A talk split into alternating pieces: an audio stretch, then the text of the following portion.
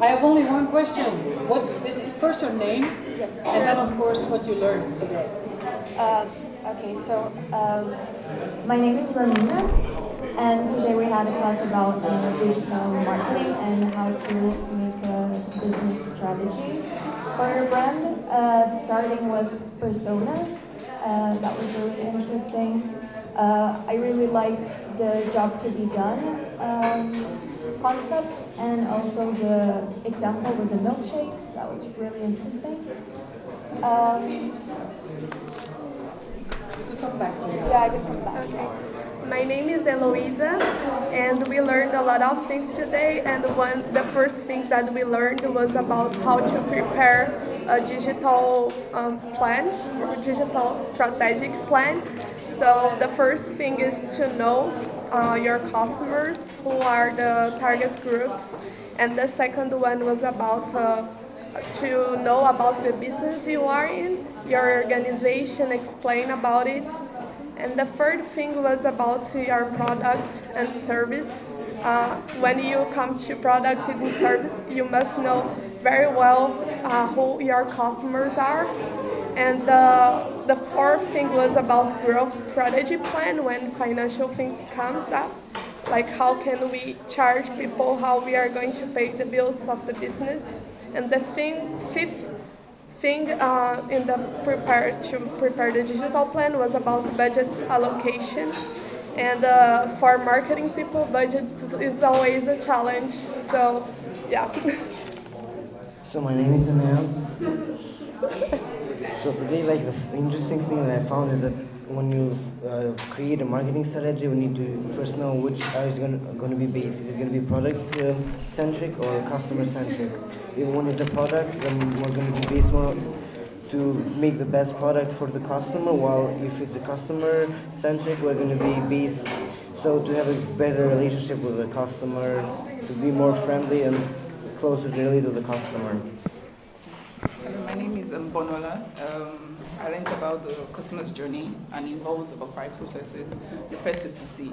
That's where you have awareness about the product or service or about what you want. Then the think is where you have consideration. Then it moves you to the buy stage. That's where you actually make your decision, where you actually buy the product or service. Then the use stage is where you use it, and the love stage is where you decide to become a brand advocate, or you have there's now loyalty for the brand, and you can decide to you know, try and get other people on board with you. Anyone else? To keep going? Yeah. Uh, Anything you wanted to add? I'm not sure. There was so much. What's what's the one thing you're going home with? If there's only one thing, you come home and your roommates, your parents ask, what was it like? And you can say only one thing that you've learned. What would that be? How to pick the best electric car. How to? How to pick a good electric car, not like Tesla. Um, I think what I learned is um, value proposition means that you need to know your customer's pain and um, and find a way to relieve or do something that will meet their needs. I think that's very important. Yeah, to fit. I know, I know, I know. Uh, so to fit your value proposition to uh, your customers' pains and gains and job to be done. Uh, yes it's to to be inspired how to create personas and um, uh, regarding the business you are in, in Final say. Um, I also learned that um, depending on the organization structure, so there are two. There's the people that um, organizations that are um, product and organization centered, and they also have the ones that are customer centered. Um, so if you're in an organization that's customer centered, you're thinking about your customer, you're thinking about the value, what your customer wants to achieve. You're thinking about um, the value you would offer your customer in order to get them to pay. Unlike the organization um, organization centered business, which is thinking about all money to be made, product and services um, to render. Thank you. Learn today first your name. Okay. Uh, hi, my name is Iba and Mushtaik. I'm a second year BBM student, and um, that's all. I'm uh, from Italy, and I'm very happy to be here. Uh, hello, uh, my name is Angel. I'm also a second year BBM student and uh, I am from Rwanda. I'm here. My name is Dani. I'm also a second year marketing student. Uh, I'm from Bulgaria and I'm interested in photography. What have you learned today? So today we talked about content uh, marketing strategy and uh, I learned today about content marketing. Uh, first of all, you have to know your audience. Your content has to align with your audience when you post things, uh, for instance, on social media. And then uh, your content needs to be engaging to your audience. And uh, lastly, uh, it, it would be nice to earn money from your content. yeah. So um, I agree with uh, Angel. So we we have learned some interesting um, topics, and um, what I've mostly um, like what what has reached to me personally is uh, the fact that we can actually make money from content and. Uh, uh, content marketing in general, and that there are several types of content, so hero, uh, hub, and uh, um, help. And I'm very pleased to know it because of um, because of my uh, responsibility, which is uh, helping my mom with her business.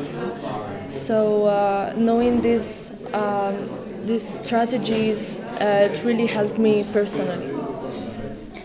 Um, one thing that really interested me as a person who is interested in digital marketing and am currently trying to build a following is the distribution of content. Uh, that is always uh, something I personally struggle with because it is 80% of what we do online.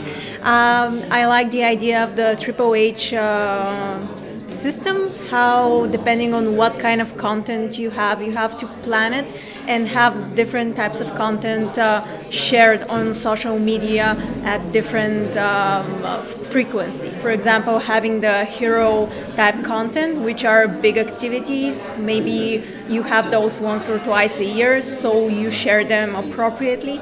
Then you have the hub content, uh, which is uh, supporting content to keep the engagement, and you have to choose appropriate events to engage with your um, following in throughout the year. And there is also the help content, which is to keep engagement with the algorithm. Yeah. Anything to add? Uh, well, for, for, for today, I learned two things that I've I'd never heard before. Uh, one of them is evergreen content. I'd never heard of that word, and today I learned that it's uh, a kind of content that never goes out of season and it's always timeless and I've seen this when um, when I do like a Google search. I sometimes I get content that is from like years back, so I, I now know what that means. And then the next one is native content, which is a kind of content that is created for that kind of platform, which is original. Like for Facebook, they need their their original videos, not links. So that's what I learned today. I've also learned uh, something new that I didn't know before. It was uh, the thought leader. So a thought leader, then someone that doesn't need to to drag attention or ask for attention in general, and the fact that um, it it actually exists a thought leader in any field, and that uh, radios or media journalists have a panel with a list of experts, it's actually interesting, and uh, I want to know more about this. Uh, what I like about the course is getting the chance to learn about, about more websites that give uh, creators helpful content like answerthepublic.com where you can search for uh, key, keywords about what your product is and see what the public thinks what the public is interested in so you will know how to market it better yeah exactly.